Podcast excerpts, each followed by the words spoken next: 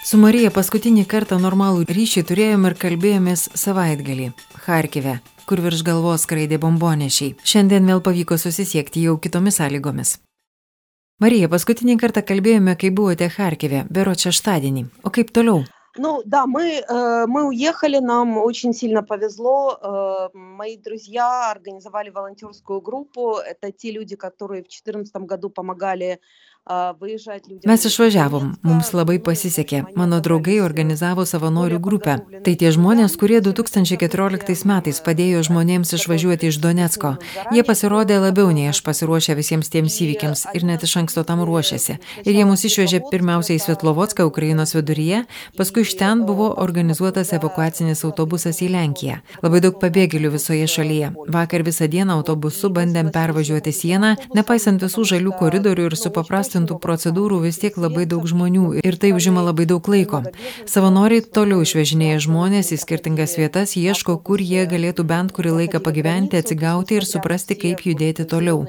Mes dabar Lenkijoje. Tai irgi pabėgėlių centras, didžiulis mokymų centras ir jie nemokamai apgyvendina žmonės, maitina galima ten likti penkias dienas ir jie neatsiras kitų galimybių ir ilgiau. Bet mes važiuosim toliau, pas draugus į Vokietiją, nes reikia pradėti dirbti, padėti kitiems. Aš dirbu visuomeninėje organizacijoje organizacijoje, kuri užsijima ir vaikų teisėmis. Mes jau pradėjom dirbti, nes iš mūsų visi jau išvažiavę iš Harkivo, tik dar skirtingame atstume iki saugios vietos, kur jau galima pradėti dirbti. Mes rinksim informaciją, kokie pažeidimai susiję su vaikais dabar daromi. Был, есть э, тренинговый центр, очень большой, и они бесплатно селят людей, кормят. Мы здесь можем находиться до пяти дней, или если не будет никаких других вариантов, то в принципе и больше.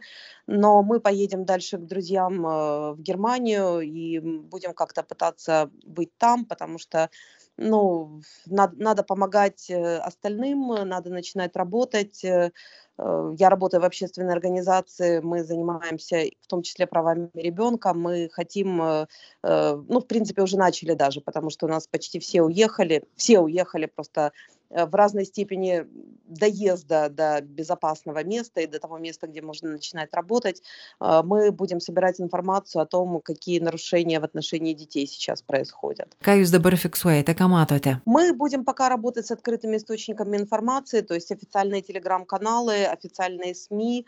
Э, Kol kas dirbsim su atvirais šaltiniais, oficialiais kanalais, žiniasklaidos priemonėmis, su blogeriais, rinksim ir tikrinsim informaciją, bendradarbiausim su kitomis organizacijomis. Harkive yra likę žmonės ir mano mama ten. Jis saliginai saugi, kiek tai įmanoma šiame mieste dabar.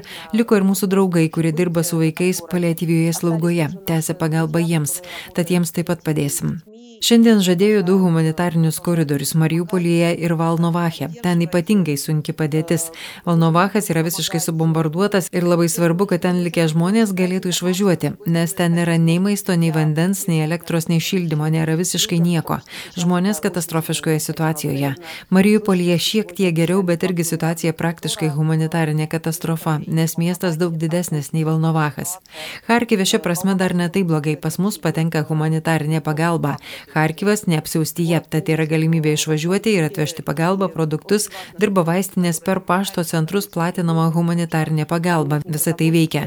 Bet Harkive toliau bombarduoja iš oro. Mes spėjom išvažiuoti iki prasidedant oro atakoms. Bet mama pasakoja, kad tas garsas, kai skrenda lėktuvas, kelia nenusakomą siaubą. Ir miesto centras vieni griuvėsiai, kur mes gyvenom, kaimininiai namai sugriauti, į mūsų lyg dar nepataikė, bet įtariu, kad ten išdaužyti visi langai ir viskas baisioji padėti, nes mes matėm, kaip atrodo namas per vieną nuo mūsų. Tiesiog neliko nieko. Neįmanoma patikėti, kad nuostabus didžiulis Harkivas, kur bus antro milijono gyventojų ir į ką jį dabar verčia. Ir svarbiausia, kodėl. Tai tiesiog neapsakoma žodžiais ir prieštarauja visoms egzistuojančioms net ir karo taisyklėms. Nes žūsta civiliai. Yra didelis Altovkos gyvenamasis rajonas toks, kur vadinamas mėgamasis, ten tik gyvenamieji namai. Taip pat toks rajonas Aleksejevka, kurį irgi pradėjo bombarduoti. Kaimynai rašo, kad matosi per langus, kaip dega namai. Bandė susprogdinti televizijos bokštą, kol kas lyg nepavyko, matyt bandys ir vėl. Ir tai visur tik gyvenamieji kvartalai, kur nėra jokių karinių objektų. Вот этот вот звук, когда летит самолет, это просто вообще не передать словами, до какой степени страшно. Ну и город, центр города просто в руинах. Вот весь там, где мы жили, соседние дома, вроде бы в тот дом, вот который наш э, Э, бомбы не попали, но я сильно подозреваю, что там просто выбиты окна и просто все, все совершенно в ужасном состоянии, потому что мы видели буквально как выглядит э, дом через один от нашего, то есть там просто, просто не осталось ничего. В это, в это вообще невозможно поверить, что прекрасный огромный город Харьков, э, который ну, я говорила вам, полтора миллиона жителей, и что, во что его сейчас превращают, и самое главное, зачем, но это, это просто, ну, это просто не поддается словесному описанию. То есть это, это однозначно противоречит всем всем существующим правилам даже военного времени, потому что гибнут гражданские люди, есть район Салтовка, там несколько десятков домов просто полыхают, э, а это просто жилой массив, то есть там, там живут люди, знаете, вот эти вот, то, что называется спальные районы, как вот строили еще в советские, в советские времена, то есть где вот живут люди, а на работу ездят куда-то в другие места. Это вот именно Салтовка, это очень большой такой вот жилой массив. Э, сейчас тоже еще второй жилой массив Алексеевка тоже начали бомбить, и тоже прям вот э, соседи в домашнем чате пишут, что из окон видно, э, как горят дома, вот, пытались взорвать вышку, телевышку, но вроде бы еще не получилось это у них. Ну, наверное, будут, значит, пробовать еще. И это тоже, это все районы, где живут люди, где нет военных объектов. Na, ta pasaka apie karinius objektus, ko gero jau pamiršta. Eitin sudėtinga situacija ir su vaikų ligoninėmis. Žmonės nežino, kaip išvažiuoti su sergančiais vaikais. Ну, да, понимаете, вот эта волонтерская инициатива моих друзей, э, ну, она маленькая очень. То есть они...